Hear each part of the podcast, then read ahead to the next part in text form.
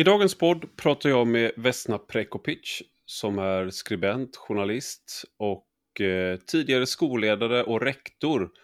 Och det är med den erfarenheten i bagaget som hon har skrivit den nya boken Brottsplats skolan.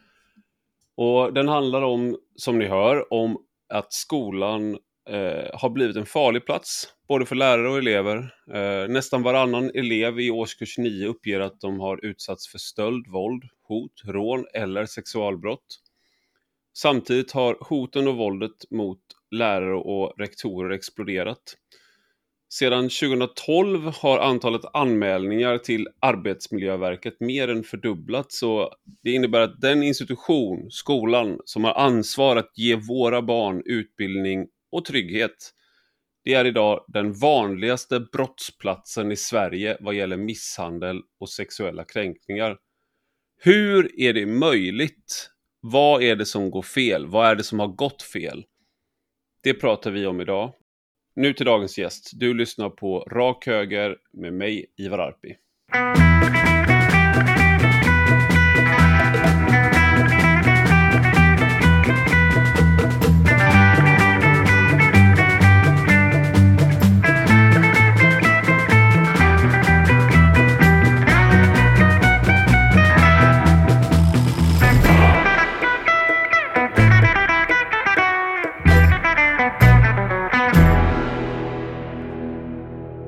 Välkommen Vesna Prekopic till Rak Höger. Tack så jättemycket. Vi sitter här i ett eh, sånt här identitetslöst eh, rum på, bok, på Svenska Mässan, för det är bokmässa.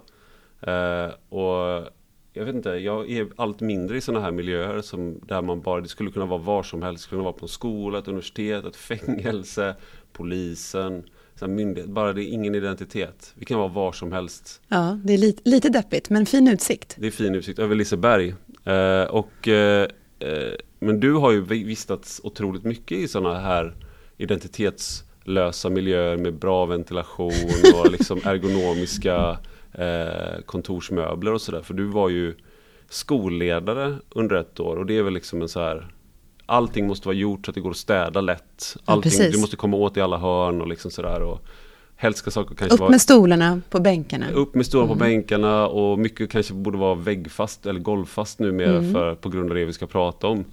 Eh, du har skrivit en bok eh, och den heter Brottsplatsskolan. Och eh, igår när jag försökte röra mig från mässan så eh, man, man, känner igen väldigt om, om, man är en del av det här Håkan Juholt kallade klägget. Och jag vill ju inte kännas vid det, men det är man ju såklart. Eh, och då var det en journalist som ropade, som jag, jag, såg, jag såg honom, han såg mig och jag såg att han såg mig, men jag hoppades att han inte såg att jag såg att han såg mig. Eh, men han ropade upp på mig och då så visade det sig att han ska moderera ett samtal här med dig sen. Mm. Och han hade läst din bok och han han var sådär, ja men lite okaraktäristiskt för journalister som är sådär hårdhudade, man gör bara från det ena till det andra liksom. Ja, nu åker jag till Ukraina och nu är det gängbrottslighet och nu, nu är det fotbolls-VM. Sådär. Men han hade läst din bok och han blev så illa berörd av att, för det du beskriver och har liksom invikt i boken, det är rapporter från Arbetsmiljöverket med lärare som, och skolledare, skolpersonal som anmäler när de utsätts för eh, våld och hot. Och det är så unga barn. Så vi stod där då, han är en, jag är 1,93 och han är ännu längre. Och eh, liksom, vi har båda barn och vi bara var så här, herregud, liksom hur... Vad, vad är det som händer? Det är så svårt att få in liksom. Mm. Och det måste jag säga det, det, jag rekommenderar verkligen boken om man inte liksom har haft direktkontakt med skolan på ett tag. För det det är inte, det är inte liksom eh, trevliga miljöer just nu. Nej. Eh, och, här var ingen fråga, jag, Nej, jag, bara, jag, har bara en lång utläggning. Eh, alltså jag blir glad när du säger det, att ni, ni samtalar en stund om det här och att eh, era reaktioner är så. Samtidigt som det gör mig väldigt ledsen också såklart. Att, eller ledsen egentligen för att det är väldigt många som, som inte fattar hur det är. Mm. Och det är väl det vi, du och jag ska prata om, men för mig är det kanske det viktigaste bidraget med den här boken. Och det är därför jag hoppas att alla möjliga människor läser den. För att faktiskt se. Det här är någon typ av, vad ska vi kalla det, lägesbeskrivning egentligen. Mm. så här ser det ut ja. eh, på ganska många ställen runt om i Sverige. Det som är så svårt, du, du, inleder första kapitlet på ett sätt som redan där om man är liksom eh, Alltså det finns ju böcker som eh, kanske har samma, eh, liknande, liksom, vad heter det? layout och liksom, det blir många saker som heter sådana här Våldet, skolan eller liksom eh, det här, så här. Men du inleder första kapitlet som man direkt bara känner att man förflyttas till liksom jobbiga känslor. Och det är så här, du skriver det konstigaste är inte att han spottar på mig utan att hans mamma står någon meter ifrån och inte gör något, inte säger något. Och det är liksom Det är någonting i det där med bara att någon spottar på en. Eh, har man varit med om det, eh, liksom, då vet man att det, det är ju det, I vår kultur, i alla kulturer gissar jag, så är det en otrolig kränkning. Eh, Kanske den värsta faktiskt. Ja. Och sen då när, när, när, när, när han går därifrån, den här 13-åringen, så vädjar den här mamman till dig att gör inte fler markeringar. Han, han kommer inte, liksom, det blir inte bättre av det. Han, kommer, han tar det som en provokation liksom. Eh, och du försöker förklara för henne att eh, men det är just därför som han, han är 13 år. Liksom. Hon säger ja han är bara 13 år och du bara ja, alltså, nej han är 13 år. Det är, liksom, det är värt, man ska kunna göra, eh, kräva någonting. Men kan du beskriva hur hamnar du i det här läget liksom? Det är sån där eh, man stannar bandet i en mm. tv-serie så här. You're probably wondering how I, how I ended up here. Liksom. Ja. Hur, hur, hamnar du där att liksom, du blir spottad på en 13-årig elev? Ja, om jag ska backa bandet lite, jag ska inte vara för långrandig, så nu jobbar jag ju bara som frilansjournalist och håller på liksom och skriver. Mm. Uh, och innan jag gjorde det så jobbade jag i skolan. Innan den där skolan som jag beskriver i den här boken så har jag jobbat som lärare uh, en massa år, jobbat på utbildningsförvaltningen i Botkyrka och biträdd rektor i, ute i Botkyrka också på Tumba gymnasium. Och har haft någon slags drivkraft när det gäller skola att um, jag tänker att skolan är så himla viktig. Och nu, nu utgår jag då väldigt mycket från mig själv och mm. min bakgrund. Och det här brukar jag så prata om och, och eh, ja, ta upp att eh, mina föräldrar kom till, till Sverige på 70-talet, arbetskraftsinvandrare från Jugoslavien. Eh, jag och min syster vi som födda och uppvuxna här. Och har haft skolan som en, en plats där vår goda framtid ska, ska grundas, enligt våra föräldrar då. Mm. Och min mamma sa, särskilt min mamma, min pappa var på sant juggemansvis inte så jättebekymrad över barnuppfostran, det fick min mamma sköta. Men hon var väldigt noga med att säga att jag kan inte hjälpa er med någonting. Jag kan inte. Hon kunde inte det. Hon var tvungen mm. att sluta. Hon har själv bara gått i skola liksom några år, för hon var tvungen att hjälpa sin familj med att tjäna pengar. Så jag kan mm. inte hjälpa er. Dels har jag inte språket så bra, när det gäller liksom, ämnen som svenska, historia och andra saker. Jag, jag, har inte lärt mig ordentligt med matte och annat, så ni måste klara er själva och ni ska sköta skolan. Det är det som kommer ge er en bra framtid och som kommer ge er möjligheter i livet så att ni inte behöver ha det som jag. Och hon, hon älskade sitt jobb, hon jobbade på Ericsson, hon var otroligt stolt över det mm. jobbet. Men det hon menade var att jag hade inget val, jag är tacksam att jag fick det här. Mm. Eh, men ni ska kunna välja. Och det där har legat och grott alltid i mitt, i mitt bakhuvud när jag har jobbat inom skolan. Och eh, när det också har dykt upp elever som har kommit från liknande bakgrund som jag, så har jag också kanske lite så här undermedvetet liksom pushat på dem eller liksom tänkt att fasen skärp er. Mm. Ni om några måste liksom förstå eh, vad det här är. Mm.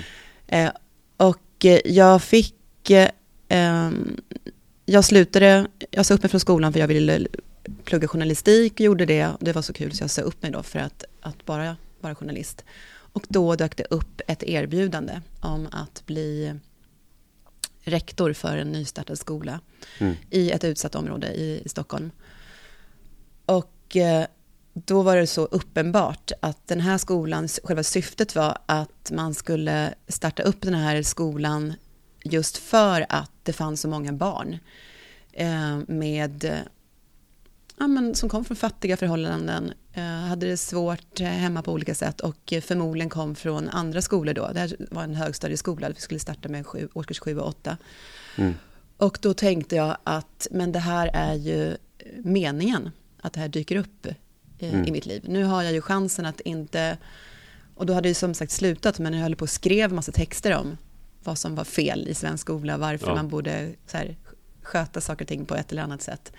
Men istället för att skriva vad andra ska göra så mm. kan jag faktiskt göra själv nu. Jag kan göra skillnad på riktigt. Mm. Så att jag tog det här jobbet och eh, eh, anställde personal.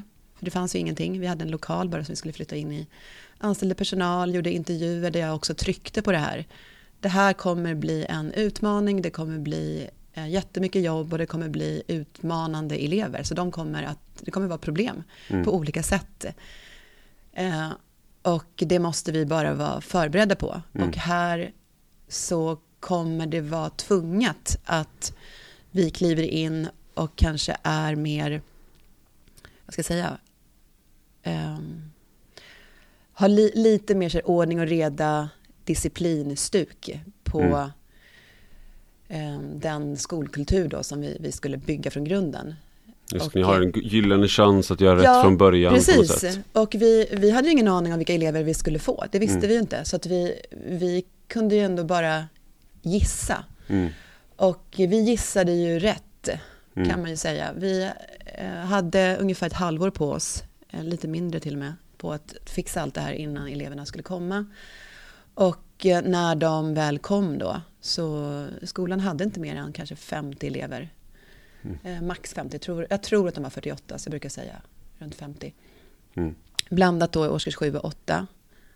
Och eh, det blev eh, eh, jättetufft från första dagen, från uppropsdagen. Mm. När jag var tvungen att ta tag i ett eh, kränknings och mobbningsärende efter en timme. Um, det var det, snabbt jobbat var snabbt av jobbat. dem får man säga. Ja. ja. Och det gjorde, bara det gjorde att... Eh, De ville också gå in och etablera en kultur. Ja, men, och det var så... Just den händelsen var så eh, konstig på så många sätt. Dels såklart att, att jag har ett kränkningsärende på rektorsbordet, mm. uppropsdagen. Eh, men också att det apropå det här med, med, man kan prata om kultur på olika sätt, men här var det också, alla mina elever var födda i Sverige. Mm. Alla hade också utländsk bakgrund. Mm. Och som sagt, skolan låg i ett, ett så kallat utsatt område med, med väldigt hög andel eh, människor med invandrarbakgrund. Och eh, det som jag lite så har, har kanske läst om eller hört om blev verkligen också... Det blev så påtagligt att det fanns också en, vi pratar väldigt mycket om gangsterkultur och det ska vi göra lite senare tror jag. Ja. Vi kommer att komma in på det eh, ofrånkomligen, men det fanns ju en annan typ av kultur som också frodades, som var vi mot dem. Alltså svennar mot, eh, mot invandrarna, eller blattarna eller vad de nu, liksom nu vill kalla sig. Ja. Och så är det, men vänta lite nu, alla ni är, är ju svenska barn, alltså ni, ni är ju födda här. Mm. Sen kan man kallas för andra generationens invandrare som ja. vad man vill. Men ändå, vad, vad pratar ni om? Ja. Och det kränknings-mobbningsärendet som var, var mot den, den enda eleven på skolan. Där har jag faktiskt inte berättat någon annanstans. Det, det, det är inget sånt förtroende, Ivar. Ja, ja. Nej, men det var fruktansvärt. Mm. Eh, hon blev utmobbad första dagen för att eh, det var en, en eh, blond tjej, en svennetjej som enligt de coola liksom, andra mm. tjejerna då eh, inte passade in. Du mm. tror att du är från orten, men det är du inte. Stick härifrån. På den nivån. Um, och, och det där fanns med. Och det mm. där tänker jag också på något sätt löper parallellt med, med mycket av det som, som också var kring den här liksom våldskulturen. Men resten av året då, som sagt det här var första skoldagen, resten av året så, så var skoltiden väldigt eh, präglad av eh, en liten klick elever eh, som och det var, det var killar, det var liksom manliga elever. Mm. Pojkar, 13-14 år. Ja. som på olika sätt använde våld. Liksom ut, utnyttjade att de hade och byggde på då, det man brukar prata om som våldskapital. Mm.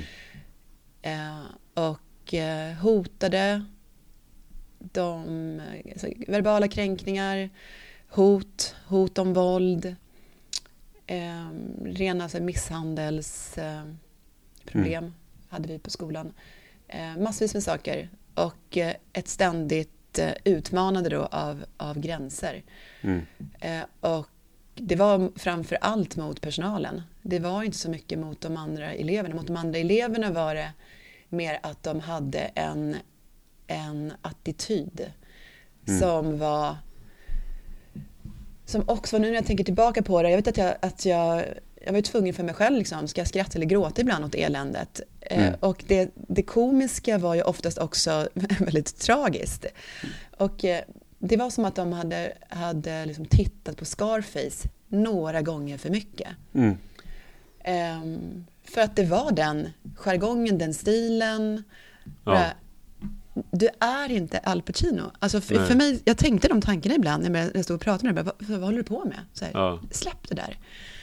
Uh, men det var precis det som de, uh, som de odlade hos mm. sig själva och hos varandra i den här lilla klicken. Den här liksom, mafios och gangsterstilen. Mm. Och, uh, och det blev så, för mig blev det så det blev för, det blev för ohållbart att mm. sköta mitt jobb och att uh, ha allt det ansvar som man har som rektor för, för allt.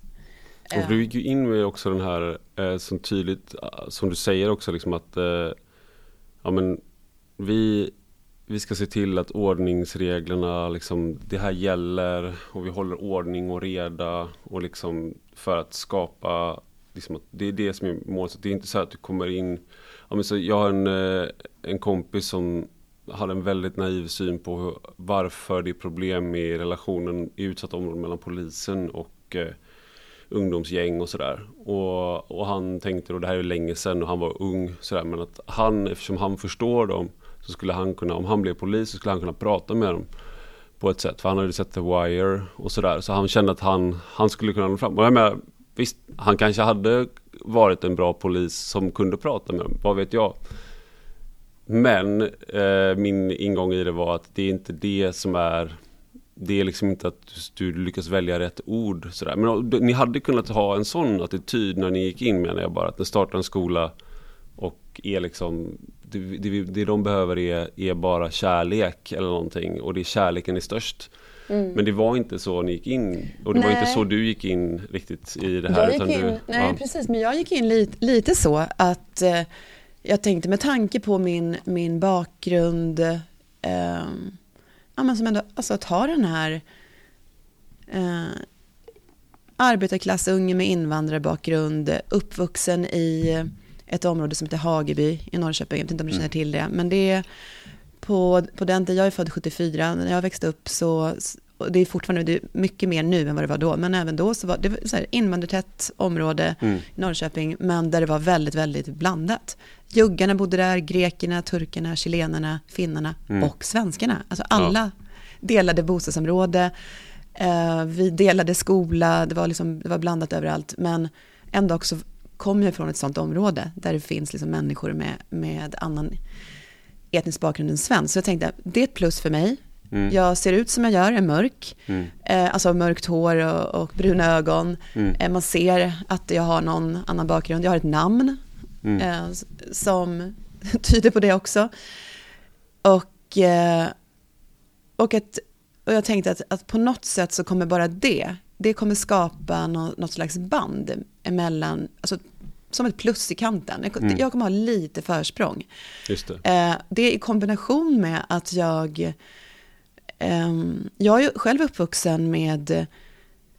Eh, jag har aldrig någonsin blivit liksom slagen. Ibland pratar man om att förr i tiden så var det så här, särskilt om man pratar om familjer som kommer från andra länder då, mm. att men där lappar man till ungen så här. Jag har aldrig mött våld någonsin överhuvudtaget. Jag har mm. blivit eh, ordentligt tillsagd liksom. Mm. Eh, säkert många gånger, men så här, det blir ju alla barn. Ja. Men, och det här minns inte jag, jag måste nog fråga min, min mamma någon gång, liksom, om, om hon gjorde på något sätt. Det kan ju inte vara så att det, att det bara var medfött hos mig och från många andra. Men det finns liksom inte en chans att jag skulle höja rösten eller liksom att, att eh, själv, vad heter det, att använda könsord eller svordomar åt mina föräldrar eller att inte förstå att, att de bestämmer över vissa saker eller att Mm. Du vet så här, vanliga vett och etikett och vanligt hyfsgrejer. Eh, men igen, att, att det var väldigt tydligt för mig att, att eh, man, det kanske kommer låta banalt nu, men på något sätt, som barn så vet du din plats mm. i relation till vuxenvärlden. Mm. Och då tänkte jag att det bär jag med mig och jag, jag tänker då, tänkte då också att det här finns väl även hos de här barnen. För mm. på något sätt, det, det, här är såklart ingen, ingenting som bara vissa liksom, nationaliteter eller, liksom, eller folk från vissa kulturer håller på med. Egentligen mm. är det väldigt sunt eh, ja. och rätt normalt bara. Ja. Den vuxna bestämmer över barnet, för ja. barnet är ett barn. Så då tänkte jag bara, även där kommer vi ha förståelse. Alla de här bitarna som jag, jag bar med mig in här, som jag tänkte, den här typen av förförståelse, eh, och att jag har den här inställningen och synen på liksom vart, vart kommer de ifrån och, och eh, allt det här tänkte jag eh, kommer visa sig vara plus. Ingenting av det spelar någon roll eh, mm. överhuvudtaget. Eh, jag, jag var ju någon slags diffus person som de inte heller visste hur de skulle placera. Mm. För jag betedde mig inte som en av dem. Nej, just det. Eh, men jag hade det här konstiga namnet och, och ja. Eh, var inte blond och blåögd. Så att liksom, någonting krockade i deras skallar där på en gång. Jag eh, var förmodligen hundra gånger hårdare eh, än vad deras föräldrar var, mm. gissar jag. Mm. Eh, för jag träffar ju många av föräldrarna och eh, apropå det här som du läste upp, mm. att eh, jag kan liksom inte ens föreställa mig att jag skulle vara på, sko liksom, på en skola med något av mina barn och de skulle det behöver inte ens vara att de spottar på en lärare eller en rektor, bara mm. så här, och att jag eh, säger att, nu tror inte jag det skulle hända, såklart, för det är mina barn, men skulle det hända, det är klart att det skulle vara tyst.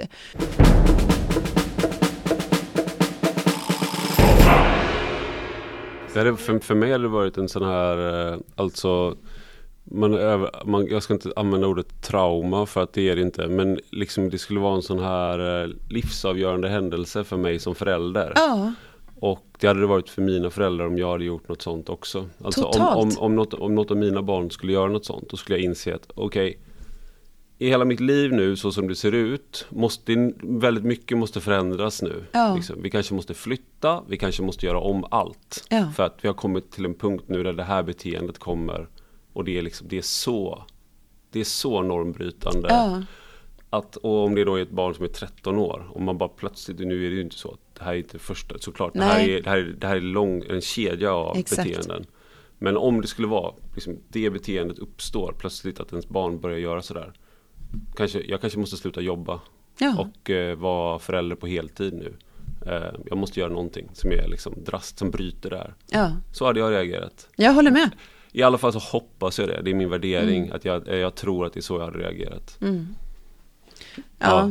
Men, det, men det är också en sån här, när man läser om de här, ehm, för du har de här, kanske ska, liksom den här ungdomskulturen, för, för e, e, e, ett stråk i allt det här är ju liksom, okej, okay, hur reagerar ledningen? Hur reagerar lärarfacken? Hur reagerar liksom politiker? Och så, så här, liksom, vad händer med en anmälan?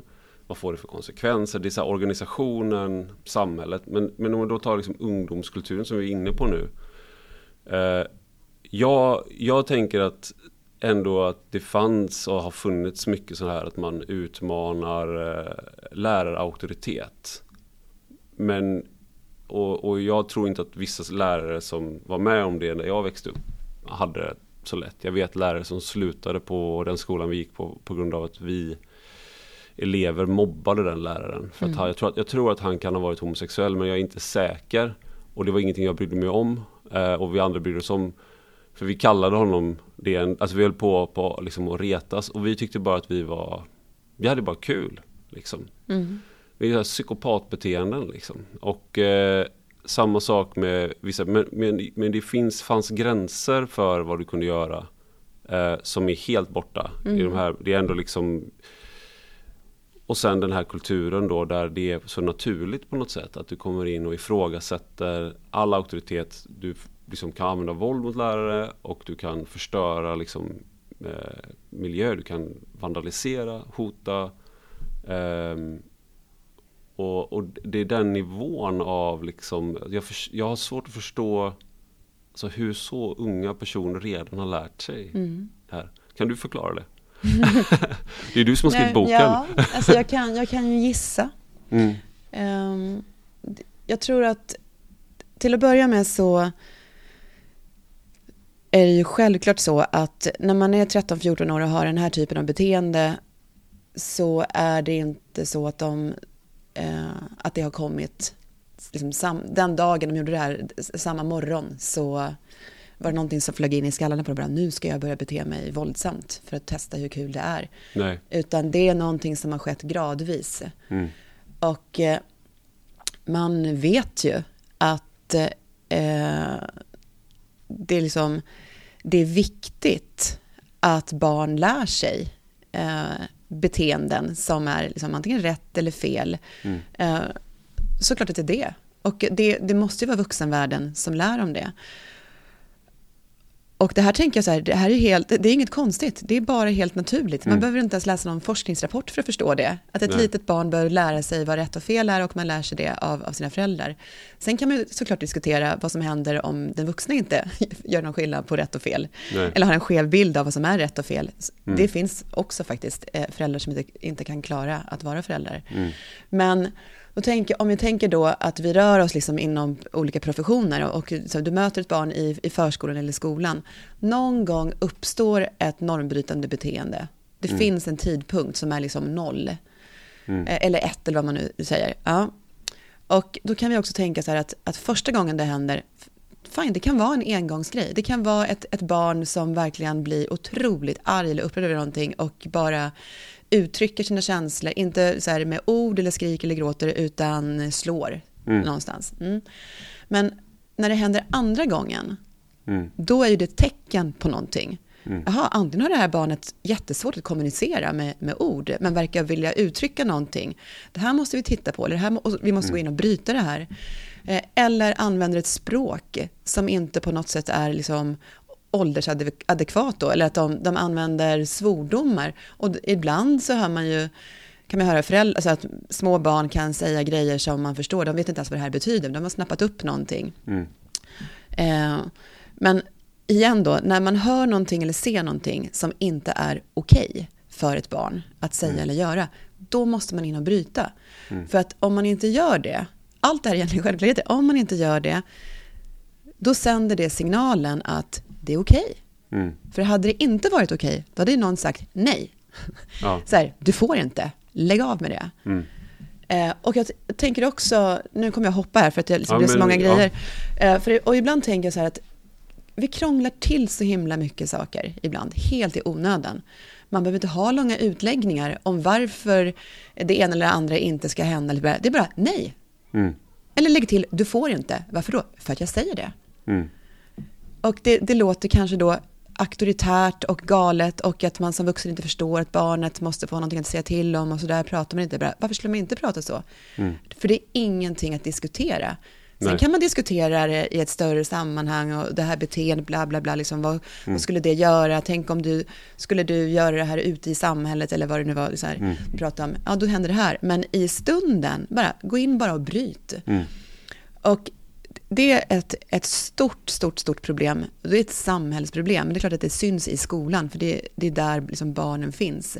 Men den här ja, lamheten eller rädslan eller liksom konflikt, eh, att man undviker konflikt. Mm. Men också att man tror, just när det gäller liksom vuxna gentemot barn, oavsett yrke egentligen, eller liksom vilken position man har i den här liksom relationslinjen då, så eh, så tänker jag att, att vi, vi måste sluta tro att det är något fult och fel med att eh, höja rösten om det behövs. Eller mm. eh, det pågår en debatt just nu, eller gjorde det för några eh, för ett tag sedan nu, om eh, eh, alltså hur man får agera mot, mot elever i skolan. Eh, så här, ja men om du har en elev i skolan som är jättevåldsam och lyfter stolar och så kastar så här, ska du då låta den eleven kasta färdigt? Och sen få gå ut? Ju, det här är, du tar ju upp det också, men det här är ju Bo Heilskog och han den här eh, lågaffektiva ja. dansken som vars eh, liksom, eh, konflikthanteringsfilosofi har spridit sig i svenska skolsystemet som ett virus. Och eh, jag, i, till viss del ibland så finns det de som eh, liksom avfärdar det helt. Men om, så som det togs fram då handlar det om eh, liksom, människor som är av, av liksom neuropsykiatriska skäl till exempel kan vara inkapabla till att eh, kontrollera sitt beteende. Och då kan liksom, den här gränssättningen kommer inte ha en effekt för att det finns ingen Det är väldigt svårt för dem att registrera vad det är, vad det är som kommuniceras med utan de tolkar det som en provokation eller en upp.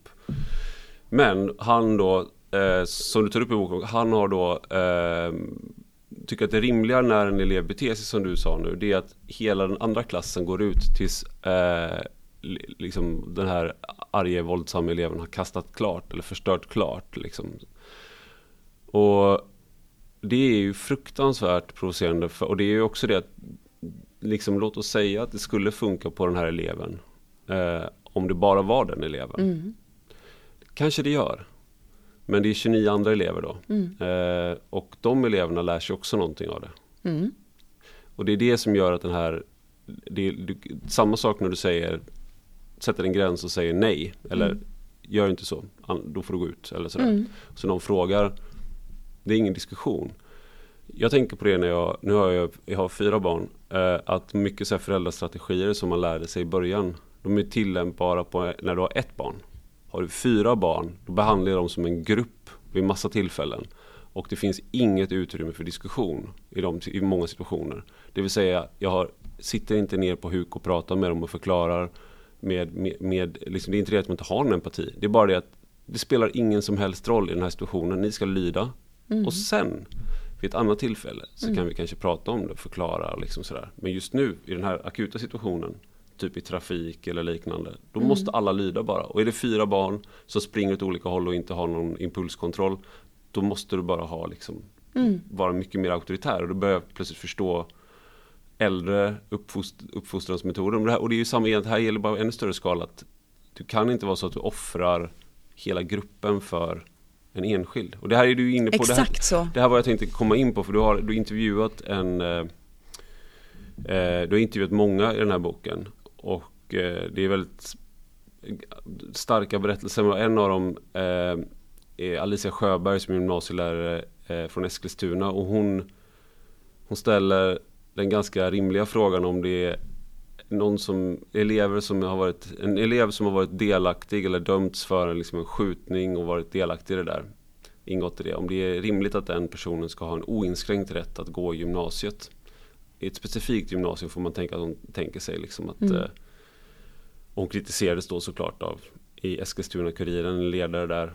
Eh, ingen nämnd, ingen glömd vem som sitter där. Eh, för att hon inte erbjöd några alternativa lösningar på den här eh, skjutglada elevens eh, eh, fortsatta skolgång. Och hon säger då, och du citerar henne här liksom att hon menar att problemet med våldet i skolan är liksom hela samhällets rättighetstänk och det är det du är inne på mm. här också att det är alla mellanmänskliga relationer i vårt samhälle så är det liksom att vi ska Du måste samtala om allt, bygga konsensus, undvika konflikter. Vi försöker alltid se det förståndiga i någon ståndpunkt ser du och sedan ska vi liksom agera. Och det är premissen för samhällskontraktet menar du. Och, Men nu har vi massa, en massa individer som inte ställer upp på det Utan som hellre vill bruka våld. Och vi, då är det som att För jag tycker liksom att det, det är bra att du tänker på de här eleverna och deras rättigheter. För att ha en sån grundläggande empati. Mm. Men är det rimligt att det är de som kommer på något sätt före alla de andra? Nej, det är helt orimligt. Det var en väldigt ledande fråga. som jag glatt svarade på, ja, som nej, du vill. Nej. nej, men det är precis det, och det där gör mig tokig. Alltså jag blir, jag blir galen av det där. Och eh, ehm, det var jättebra att du tog upp det här med, med dina barn, för det är, det är väldigt mycket man skulle kunna tänka liksom på exakt samma sätt när det gäller, om man nu har barn, sina egna barn. och hur man tänker och agerar som, som förälder. Och vad, vad som funkar och inte funkar. Och det du sa nu också om att har man ett barn, det är skillnad på att ha ett barn och att ha fyra barn. Då måste man se på den här syskonskaran som ett kollektiv. Mm. Ni är en liten massa nu. En liten flock. Som, en liten flock, Det är precis. de här små ankungarna som simmar ja, efter. Ja, exakt. Och det är så eh, vissa saker också, alltså att man, eh, och på vissa sätt så tänker man ju så, mm. på gott och ont. Men eh, ibland så gör man ju inte det, när man kanske borde göra det. Mm. Därför att den här då eh, stolkastande eleven, mm. eh, om man bara ser till att den får eh, vara klar med sitt utåtagerande beteende och kasta klart någonting, då har man ju glömt flocken. Mm. Då tittar man ju bara på den och låter den vara färdig. Och sen de där andra rädda små ankungarna i, som, som sitter och trycker där och bara väntar på att det ska bli liksom lugnt igen. Mm. De har man ju glömt bort. Ja. För då har man ju lagt allt fokus på den här eleven. Vare sig man, man lyfter ut den eller liksom vad man än gör. Så det blir ju ofrånkomligen så att det är fokus där mm. eh, i stunden. Och man kan agera på lite olika sätt. Men vad händer sen då? Jo, väldigt mycket mer fokus läggs på den här eleven för att det ska fungera bättre nästa gång. Mm. Ska du kanske fundera på om lektionen var väl avvägd mellan lärarlätt och eh, elevarbete. Du vet, allt sånt där. Bara, ja, eller så kanske det var fjärde gången stolar mm. kastades och det räcker nu. Mm. Flytta på den här eleven. Mm. För, för mig är det helt... Eh, jag vet att väldigt många inte håller med mig om det. Eh, jag vet att många håller med mig också. Att de elever som inte fungerar, när man har, har uttömt allting som går, både i, och att man då tar hänsyn till den här eleven, eh, såklart i den mån det går och man bör göra det, och till alla andra, det är mm. igen då gruppen, kollektivet.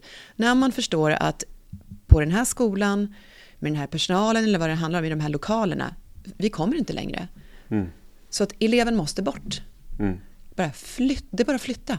Mm. För mig är det helt obegripligt att det ska vara så svårt att, att se att det också kan vara bra faktiskt för den eh, eleven som man flyttar på. I Stockholm så har vi något som heter Skolakuten. Och det är en verksamhet som, nu har regeringen eh,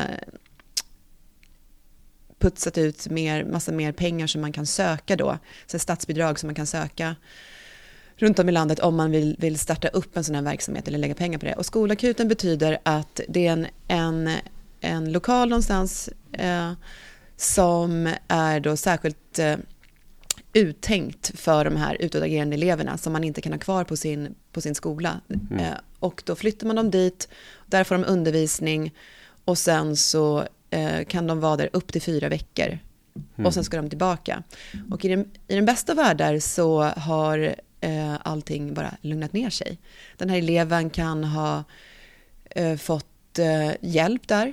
Mm. Eh, man kan ju liksom se till att de här fungerar på lite olika sätt. Ofta så är det bara liksom lärare som undervisar där, men det är väldigt, väldigt få då, väldigt lärartätt såklart. Mm. Och eh, vem vet, de kanske har jättebra så här, coachande samtal och sen efter fyra veckor så förstår eleverna, så där kan ju inte hålla på. Mm. Och de andra eleverna får också ett andrum, skönt att slippa bli utsatta för våld av den här klasskompisen. Mm.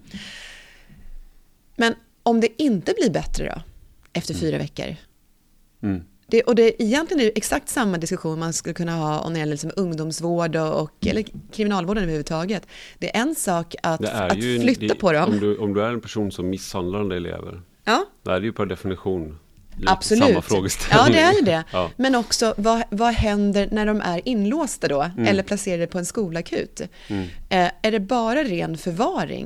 Nej, men mm. då skulle det också kunna vara så att den här eleven som sitter där inte alls kommer tillbaka snäll och foglig som ett lamm, utan är full av ännu mer ilska till den där förbannade rektorn som placerade mig på mm. det här stället nu. Så nu när jag kommer tillbaka, då ska jag visa att jag är tillbaka. Mm. Vad gör man då? Mm. Och det, det, här tycker jag är eh, så märkligt att eh, att man liksom inte riktigt förstår. Det, ibland är det, det finns en naivitet. Just det här att, ja men då placerar vi den där och sen när eleven kommer tillbaka, då är allting bra. Då har den ju varit på skolakuten och har förstått mm. saker och ting. Bara, ja, nej. då är man ju frisk sen. Exakt, för att det är också det här, apropå det du, du tog upp om de här eleverna med de här diagnoserna och att man ibland har elever som, som faktiskt kanske inte knappt vet vad de gör alltså, eh, mm. när det gäller våld. Det, det är deras sätt att uttrycka sig, de kan behärska sig. Vi blandar också ihop de här olika elevkategorierna. Elever med, med till exempel en, en diagnos som gör att de, de har problem med att sitta stilla eller så här, och det kan visa sig i ett utagerande beteende. Men det är ju en kategori elever som verkligen behöver specialutbildad personal mm. som förstår det här och kan det här. Eh, så har vi en annan kategori elever som vi skulle kunna kalla liksom en jobbig tonåring.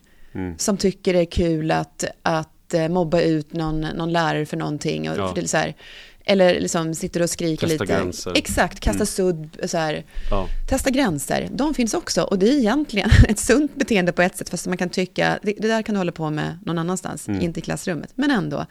Och så har vi den kategorin som, som jag beskriver när det gäller min egen erfarenhet. Eh, det är en kategori elever som, som går igång på att våld är en makt ett maktutövande. Mm. Och de har hittat ett sätt att använda sig av det. Och även om de inte skulle eh, sparka någon i magen då. Men om det hela tiden finns ett litet underliggande hot som de mm. har varit duktiga då på att, att bygga upp, tycker mm. de själva åtminstone då. Eh, och när de inte heller blir gränser eller att det inte blir konsekvenser.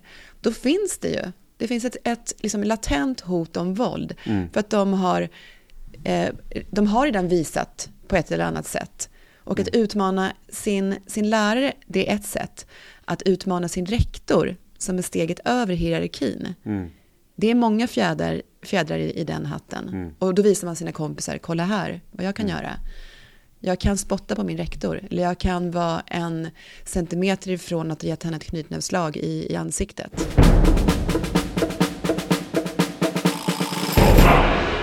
Men det är så här, det, det, det här rättighetstänkandet är, är ju det här också då att um, om jag tänker på uh, Ryssland för jag, jag, jag har ju, är lite extrem i bemärkelsen att jag, eh, jag tycker liksom att skolplikt borde ersättas av läroplikt eh, av massa skäl. Men ett skäl är till exempel, hänger ihop med det här.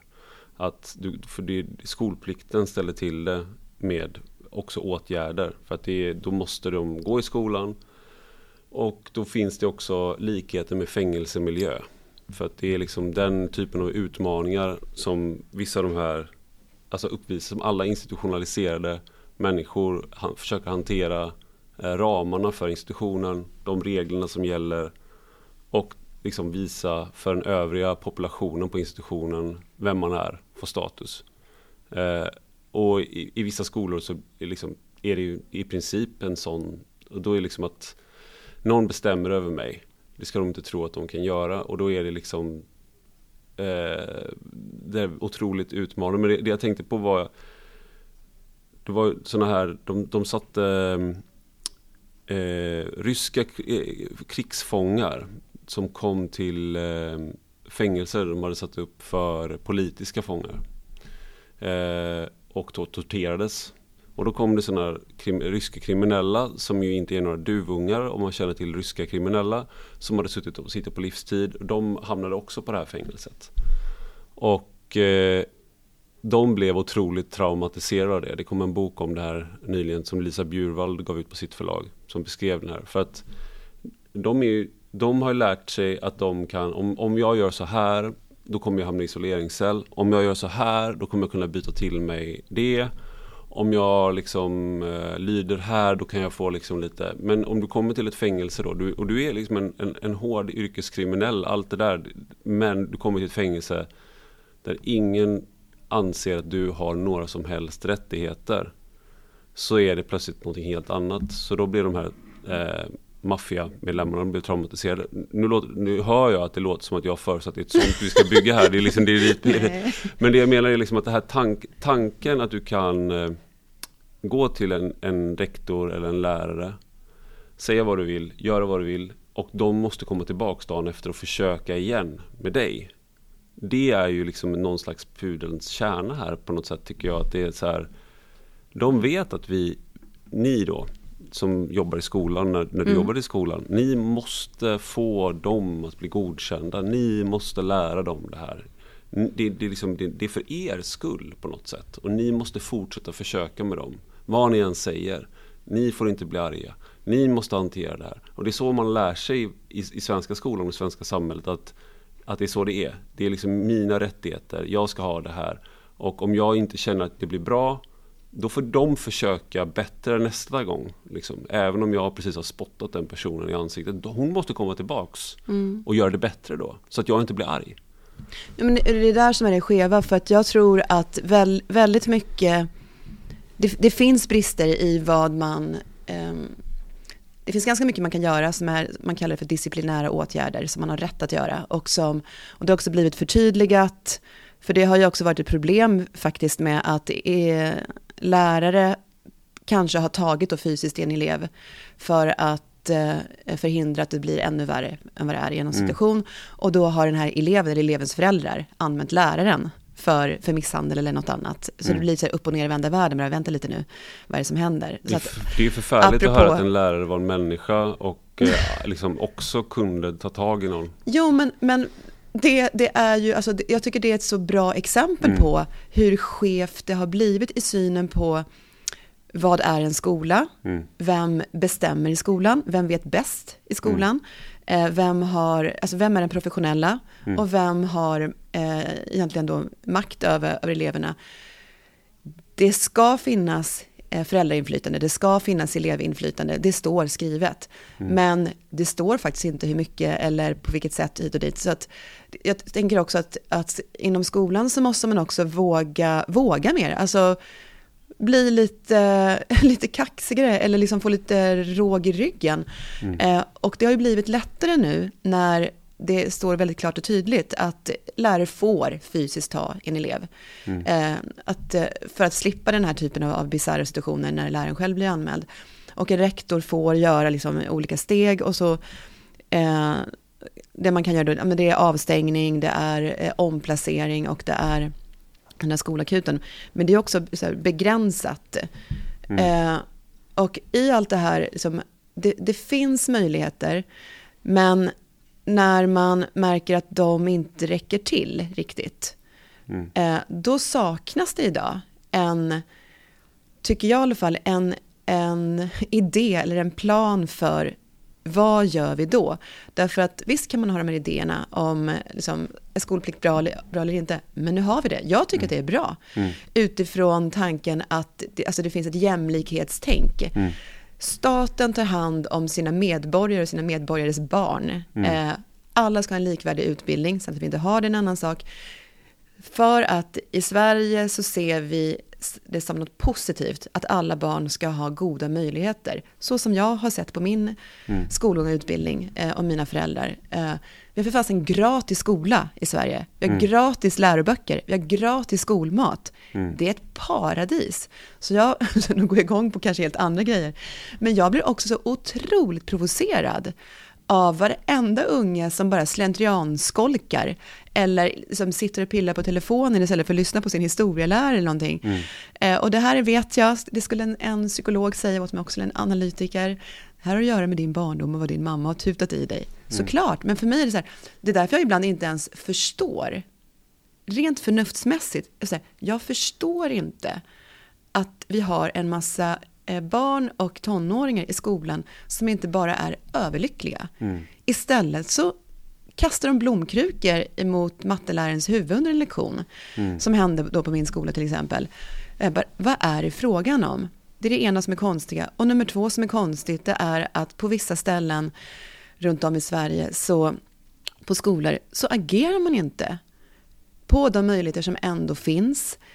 Eh, och det, det, finns lite olika förklaringar till det. Jag, jag kanske låter som total knäppjack här och helt galen.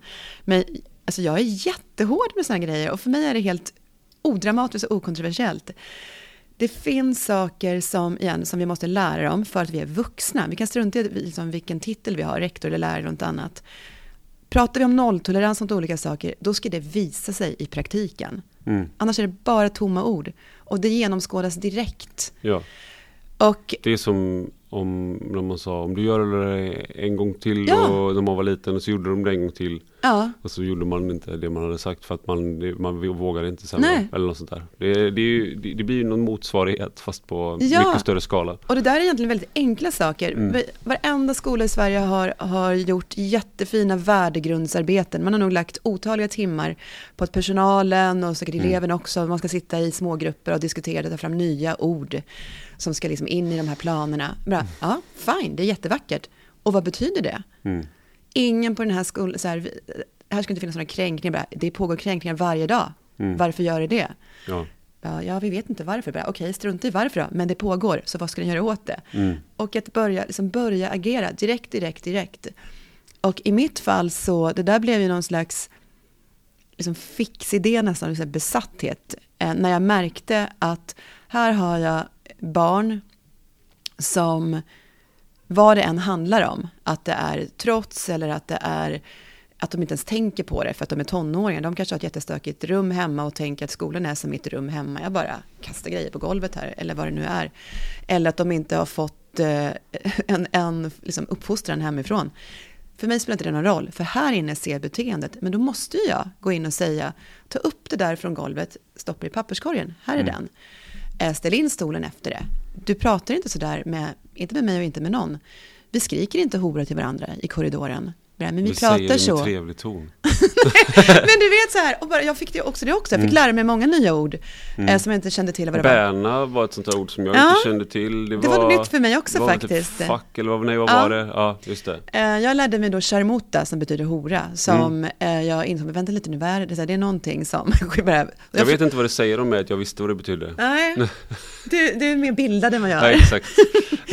Nej men du vet bara, och, och då kommer jag ihåg att jag fick svaret att eh, chilla, vi, det är så vi snackar. Bara, eh, nej, Mm. vi kan snacka så var ni vill, men här inne, bara nej. Men det här är också sådär, jag, jag har tränat eh, liksom lite boxning, mest tränar jag själv, men nu har jag varit på en del boxningsklubbar och eh, det är, kampsportsklubbar är ett ställe där alla klasser och etniciteter i världen och i, i Sverige möts. Sådär. Och i bästa fall så, så eh, liksom etablerar man en gemensam eh, kultur via sitt gemensamma intresse thaiboxning liksom har till exempel en ganska, eh, det, är, det är en otroligt brutal sport men har en ganska vänlig kultur. Boxning är inte alls likadant. Men i alla fall, eh, där är, liksom, är du på vissa av de här klubbarna så gäller vissa regler och då är det ju någonting som du vill göra. Alltså det är någonting som många, det är också selektionseffekter så du vet inte om det är exakt samma människor.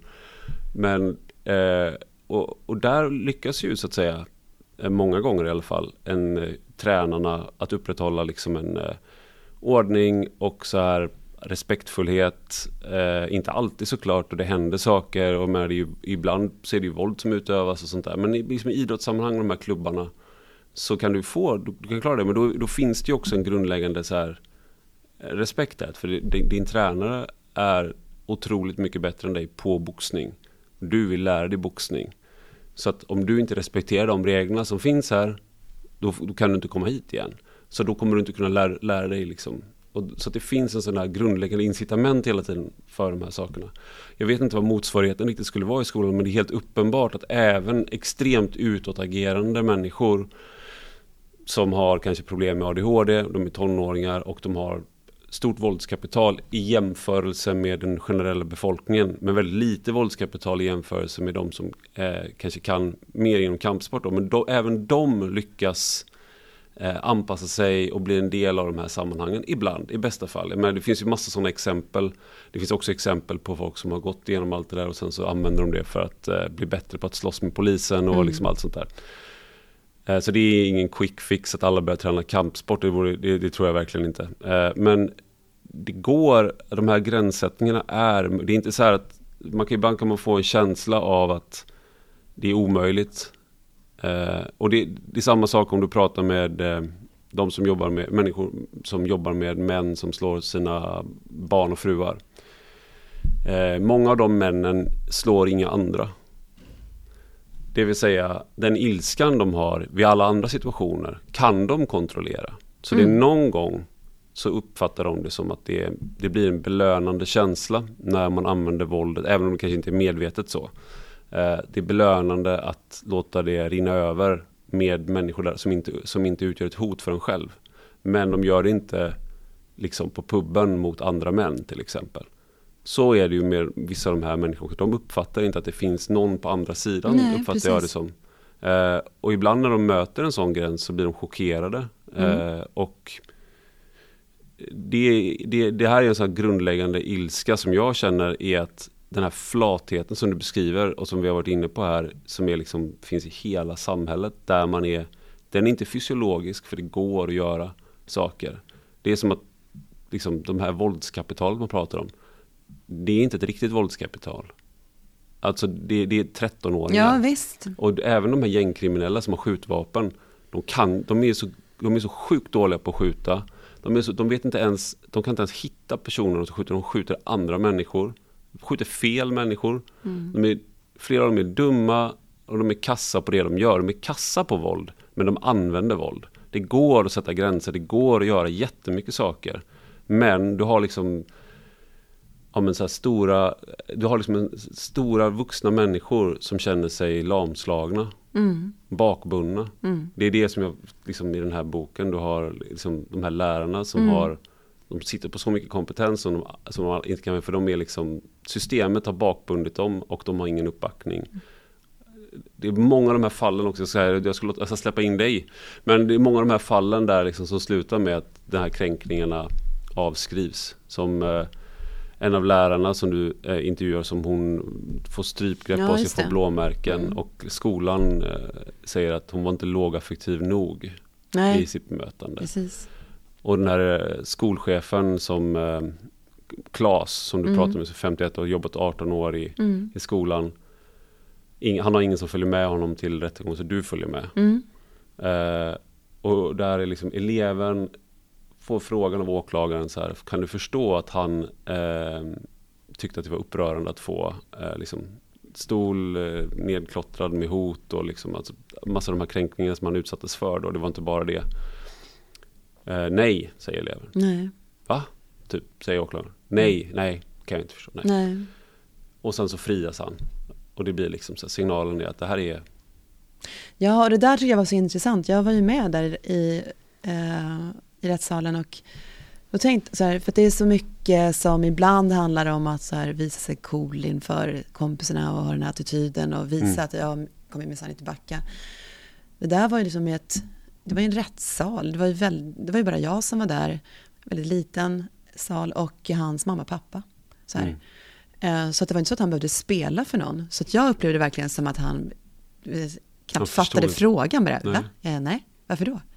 Mm. Och, och, bara det där, så här, mm. hur, hur är det möjligt att, att tänka så? Alltså att, att uh, inte förstå. Och jag tror, tror att vi, um, vi ska kunna prata hur länge som helst om, om det som också är liksom det, det underliggande här som, men som jag lite kanske liksom varit inne på, det här med vuxenansvar, att, att våga vara vuxen, att säga till, förklara vad som är rätt och fel. Det är ju det som som handlar om, om moral. Eh, och om vi, om vi nu har ett samhälle där det vi ser att det verkar liksom brista på, på en massa olika sätt och inom olika områden. Eh, det, det måste, vi måste liksom, på samma sätt som man kan bli jättebekymrad över alla översvämningar och alla naturkatastrofer mm. och klimathotet och allt det här. Jag tycker vi borde bli lika bekymrade över liksom, det moraliska förfallet på något sätt. Mm. Och det är vi själva skyldiga till allihop. Därför att det är inte så svårt uh, att, att faktiskt bete sig som en vuxen. Om... Det, är också, det är också det här med att uh, uh, ja, det finns ett sånt skämt på nätet som jag tycker är ganska kul. Det är en man som står framför en vit tavla och så är det liksom sån där X och Y-axel. Så är det Xet som går rakt upp då, det är fuck around. Mm. Och y y-axeln är find out. Och så säger han här, as you can see here, the more you fuck around, the more you're gonna find out. Så han dragit liksom en linje där, precis som man gör liksom i matte. Ja. Uh, och, och, det är ju det som är grejen också. Jag pratade med en, uh, en eh, journalist med, med rötter i närheten av Jugoslavien, eh, på Balkan och eh, som sa liksom att om det hade varit den typen av gängskjutningar i områden, liksom, eller den systempåverkan från barn, så hade eh, människor eh, tagit sina Kalashnikovs och eh, rätt ut om polisen inte hade gjort det. Mm. Och då kan man tycka att ah, det är ju för att det är ett sånt våldsamt land, men det är det inte. Alltså, det, det är inte ett, ett land där det här sker till vardags. Men det finns så här bara man accepterar inte vissa saker. Och det där är någonting som är så stötande just i, i Sverige. Men det är också det här att om du tar saken i egna händer så tycker folk att det är det är nästan, det är liksom mer obehagligt tycker folk mm. än det som föranleder det. Mm. Alltså att om någon eh, löser en, en, situation med ett gäng, att man mm. gör det spontant. Då tycker folk att ah, det är ett medborgare, otroligt, eh, liksom, eller sådär. Mm. Och det är såklart att så, det är inte idealet, men det är, för idealet är ju att du har en polis som sköter det oväldigt och inte har några egna intressen i konflikten och därför så blir det också lägre konfliktnivå. Men mm. när det inte det sker eh, och nu då så pratar vi om att, så här, ja, nu går vi vidare väldigt långt här, men till att sätta in militären. Det är sådär, kan börja med bryta sekretess mellan myndigheter. Mm. Här, du behöver inte sätta in en atombomb innan du har prövat så här, eh, att bara göra helt vanliga saker som mm. andra länder gör. Mm. Ska du sätta in typ så här, liksom värnpliktiga med automatvapen, mot vad då? Mm. Det är inte krig, Nej. utan det är, det, är, det är som du säger. Mm. Det är en grundläggande eh, liksom flathet eller brist på moral, brist på vuxna som mm. gör det här och också att vuxna ser känner sig trygga med varandra. Att om man sätter en gränsdragning så mm. kommer andra backa mm. upp. Eh, och, och, och, jag menar, en sak som vi inte har pratat om som jag skulle vilja ta upp och det är det här egentligen, eh, ja, jag, jag, alla mina porr är väldigt långa, Västern kollar på klockan. Ja men det är för att jag måste gå om tio minuter. Ah, okay. ja, men det är det här bara med att eh, eh flera av lärarna har svensk bakgrund, etnisk mm. svensk bakgrund och många av de liksom, incidenterna det handlar om är utsatta områden där de har många problem. Mm. Men en sån där aspekt är just den här Vem är du Kerstin? Mm. Eller Gunilla? Mm. Att utöva auktoritet över mig. Mm. Uh, och det där är liksom lite, det är inte helt nytt. Men jag upplever liksom att uh, om man pratar med uh, människor som har i andra generationen, första generationen som kom på 70 80-talet eller 60-talet så fanns den dimensionen var inte lika stark som du sa. Min, min mamma var lärare på Bergsjöskolan här i Göteborg och det var också det var jätteblandat. Men det var ungefär den, den mm. typen av grupper, eller, och chilenare och sådär. Så, sådär. Mm. Men det var, eh, det fanns inte den där skarp, det fanns motsättningar, men den var inte så skarp. Nu är det liksom som en eh, hur mycket av det där tror du, tror, tror du spelar in i de här konflikterna också? Och det är jättesvårt att svara på. Det, um, till viss del spelar det säkert roll, men jag skulle också säga att det här problemet som jag beskriver i, i boken, eh, våld från elever mot personal, det, det finns över hela Sverige. Eh, mm. och, eh, och jag säger inte det för att vara, liksom, nu ska vi vara PK, förklara att det är minsann, bla bla bla, utan det är så. Mm. Det var ett eh, ett inst jag brukar ta, ta, det som ett exempel för att nästan alla har sett det. Om man kollar på nyheterna regelbundet så missar man nog inte att i våras eller i vintras till och med, så var det en skola eh, i Sjöbo där de, som de fick stänga igen. Mm. i eh, en eller två veckor tror jag. Det blev så skyddsstopp för att det, var, det gick inte. De eleverna där gjorde hemmagjorda bomber och, och liksom kastade. Ja, nu ler du. Jag vet, för det, det, är för, det är för sjukt. Det är faktiskt för sjukt. Och eh, ja, den skolan i Sjöbo var inte särskilt invandrartät. Det är eh. samma Sjöbo som hade Sjöbopartiet. Nej. Nej men du vet så här, ja. bara, och det tar jag som ett exempel bara för att det, jag tycker att det är bra att man kan belysa det bara. Mm. Den skolan finns också. Ja. Eh, med en liten klick elever och det är det här som är återkommande som, jag, som vi redan har pratat om, det här när, när en eller ett fåtal liksom styr på något sätt och mm. sätter eh, en minoritet sätter en majoritet i, i kläm. Mm. För på den skolan, där det gick 450 elever tror jag, eh, läste i någon intervju, någon, det var någon politiker som uttalade sig sa ungefär så, att ja, det här är fruktansvärt men, men det, det är inte det hade kunnat vara värre eller någonting, så det är inte så farligt, för att det är ju, alltså det är hanterbart, tyckte de, för att det är ju bara fyra till fem elever. Och jag reagerar precis eh, tvärtom, bara, vad snackar de? Mm. Det är alltså fyra eller fem elever som förpestar livet för 445 andra då. Mm. Eh, och eh, det, det, är också en bit i det här som vi redan har pratat om, liksom, det, det, det, är också någonting som blir så galet, när man hela tiden dels tror att det kommer nog bli bra, för det är lite mm. så. Ja, men de, det, det, är inte så många eller han är vi ska ensam. ha möte på torsdag. Ja, och om vi bara ger ännu mer kramar eh, så kommer vi inte behöva våra ramar. Det är mm. den här liksom det, där La La Land. det där var inte någonting du bara tog ur luften heller. Nej. Det... Kramar, jag tror på kramar, inte ramar. Det Nej. var din eh, chef. Ja. ja. Och jag, jag, tror ju på, på både och såklart. Ja. För det är precis som ett, ett varmt, sunt, tryggt föräldraskap. Mm. Du är sträng och snäll. Mm. Det finns en grundläggande kärlek. Eleverna eller dina barn vet att du är älskad, omtyckt och att den här vuxna personen finns här för mig. Jag känner mig trygg med att jag också får lära mig vad som är rätt och inte rätt och att, att det är någon som tar mig i handen och leder mig fram i livet. Så, mm. eh, så det är ett otroligt svek, verkligen. Det är så här man kan kasta ur sig den här frasen, svek från vuxenvärlden, svek från samhället. Men det är ju det. Ja. För varje vuxen som inte tar ett stadigt grepp om liksom barnet, elevens hand och, och förklarar när du gjorde så där så, du får aldrig mer göra om det. Det är mm. bara så. Vi kan prata om varför du gjorde det, men det kommer inte hända igen för att du får inte göra så. Mm.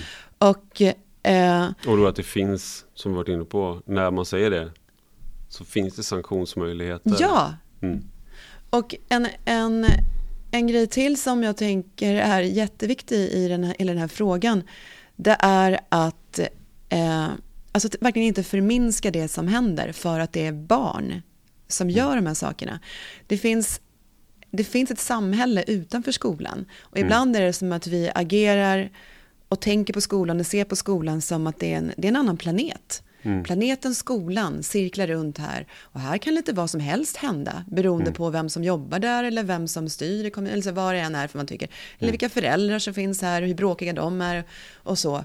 Eh, och den, den, här planeten är helt frikopplad här, mm. från den riktiga världen, eller andra planeter som vi andra bor på. Men skolan, för det första, är en del av samhället. Skolan är också den plats där vi ska rusta våra barn som går där för att kunna bli fungerande samhällsmedborgare. Mm. Som vuxna då, då, unga vuxna vuxna. Så att igen, allting de lär sig, och nu pratar jag inte om, om skolämnena, i beteendet, det som ligger i fostransuppdraget, mm det tar de också med sig ut såklart. Så att om vi tycker det är okej att de går runt och, och sparkar och spottar och skriker jävla fitta till sin lärare för att man är sur eller för att man vill visa. Hör du, säg inte sådär nu. Nej. Jag blir sårad. Men du vet, mm. det, det, visar ju då att ja, men även utanför kommer det vara okej. Mm. Men det är det inte. Nej. eh, så att det, det är jätteviktigt tycker jag att också av den anledningen agera. Eh, mot all typ av beteende och också som vi, som jag bara kan, kan nämna nu innan det börjar bli dags att avsluta, men eh, att kalla saker vid dess rätta namn.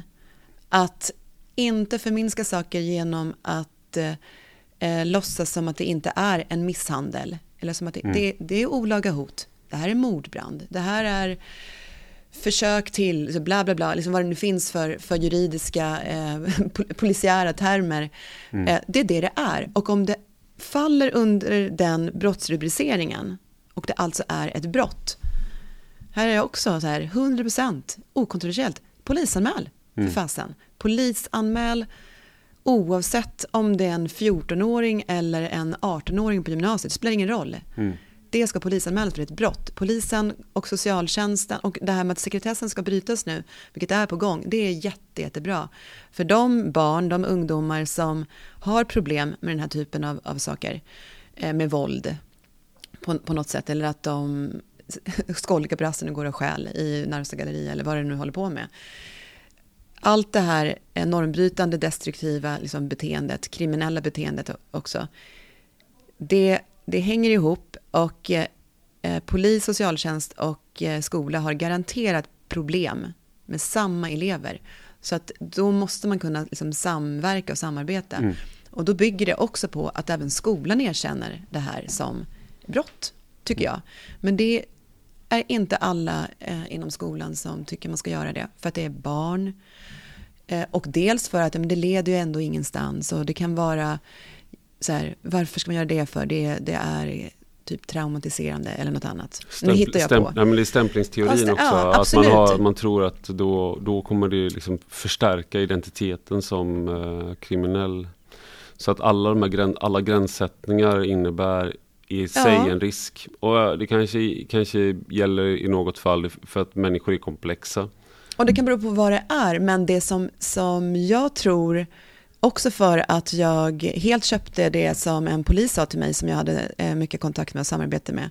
Han sa till mig att eh, det är bra för om skolan anmäler allting. Eh, mm. Därför att då blir det svårare för, sen har ju socialtjänsten andra problem med personal och så, men det blir svårare för socialtjänsten att förminska Alltså det här ärendet kommer bli prioriterat. Mm. Oj, vi har fått in 15 eh, orosanmälningar från den här skolan på den här eleven. Ja. Eh, hoppsan. Mm. Istället för noll. Det har hänt 15 grejer, men skolan tänker att nej, men det är inte så farligt. Och ja. Det är ju bara ändå, det är en tioåring bara, vad ska vi göra? Ja. Bara, han sa bara nej, anmäl mm. allt av den här anledningen också, för det betyder någonting för oss sen. Mm.